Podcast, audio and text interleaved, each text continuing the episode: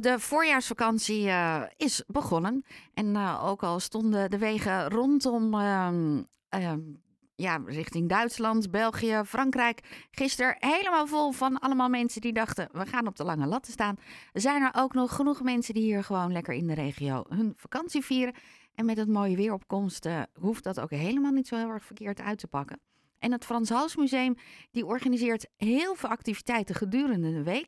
En één daarvan is dat woensdagmiddag op 1 maart de Haarlemse schrijver Annemarie Jongbloed langs gaat komen om voor te lezen uit haar boek De Meestervervalser. Een hele goede morgen Annemarie. Goedemorgen Ellen. Hoe uh, is het boek tot stand gekomen? Um, nou, dat kwam eigenlijk omdat uh, ik las een aantal jaren geleden een interview met Tim Schongers. Hij is uh, nu directeur van de Wiarda Beckman Stichting. En toen werkte hij in Den Haag. En hij werkte met uh, gezinnen die in armoede leefden. En hij vond eigenlijk dat zijn collega's, uh, dat vertelde hij in dat interview, hè, dat zijn collega's ook ehm, daar eigenlijk veel meer over moesten weten. En niet alleen van papier, maar echt mensen moesten leren kennen. En toen is hij mensen gaan interviewen die in armoede op opgroeien. Um, om hen zo een stem te geven, maar ook duidelijk te maken aan zijn collega-ambtenaren van ja, zo is het dus. Dit zijn de mensen achter jullie papieren verhalen. En toen dacht hij, ja, dan moet ik toch zelf ook maar met de billen bloot. En toen heeft hij zelf verteld aan zijn collega's um, dat hij ook in armoede is opgegroeid. En in dat artikel, dat was in de Volkskrant, um, werd op een gegeven moment vertelde hij dat zijn schoenen stuk waren als kind en dat hij toen niet naar school ging. En toen dacht ik, ja, die zin van als je schoenen stuk zijn, dan, dan kun je niet naar school. Ja, dat, dat zei, voor mij was het toen zo duidelijk, een duidelijk beeld van wat armoede dus inhoudt. En die zin heb ik ook gebruikt als eerste zin in het verhaal. Um, en ik denk dat hij gaf mensen een stem. En ik hoop dat ik met mijn boek ook kinderen een stem geef die opgroeien in armoede. En ik denk dat dat heel erg nodig is. Nou heet het boek? Ongelooflijk Oh, sorry. Nee, nee, vertel.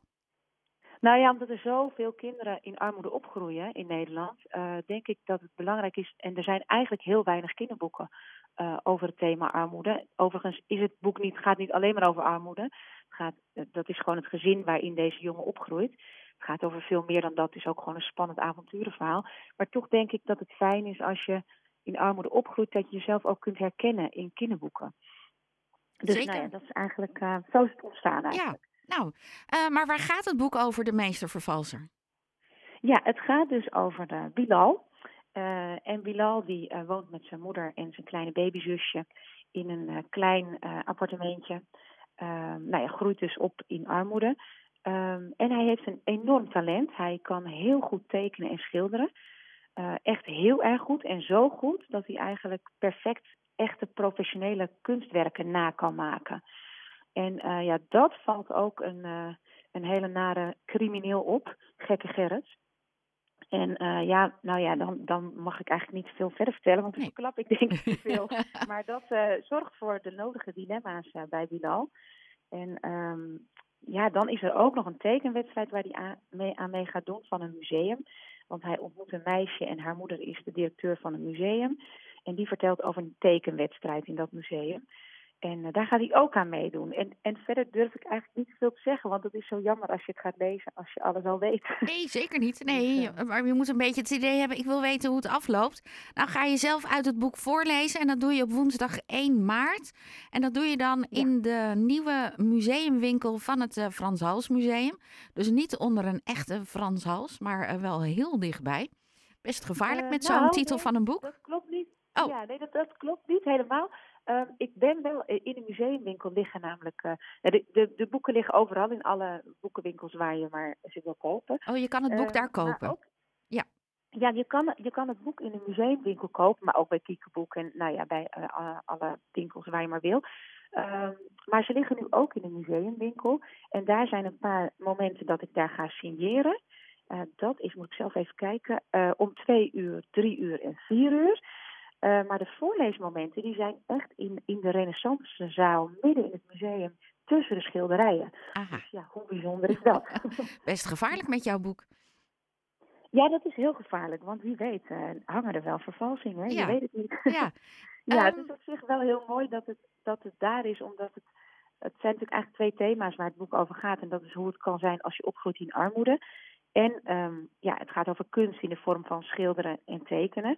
En die twee thema's zie je ook terug in het Frans Hals Museum. Want rond 1810 was het Frans Hals Museum een, um, een weeshuis. En dat werd wel het arme kinderenhuis genoemd. En ja, het is natuurlijk een omgeving vol met schilderijen. Dus ja, hoe bijzonder is het als je tussen de schilderijen wordt voorgelezen. Dus, um, de, ja, de toegang voor kinderen. Ja, de toegang voor kinderen tot en met 18 jaar is gratis. Dus uh, dat is ook handig om te weten. We kunnen ook meteen doen aan een vernieuwde speurtocht. En er wordt meer georganiseerd in de vakantie door het Frans Hals Museum.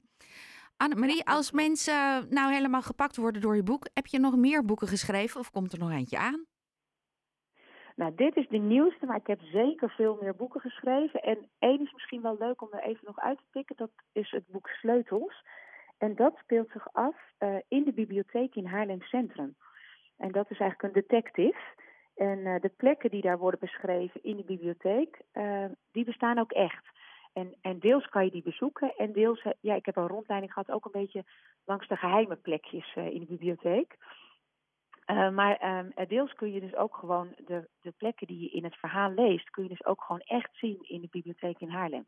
Dus dat is misschien wel leuk om even, nou ja, in Zeker. dit geval voor een Haarlemse zender te vertellen. Ja, en dat ze nu heerlijke stoelen daar hebben. Dus neem het boek mee en ja. je kan ter plekke gewoon het verhaal gaan lezen.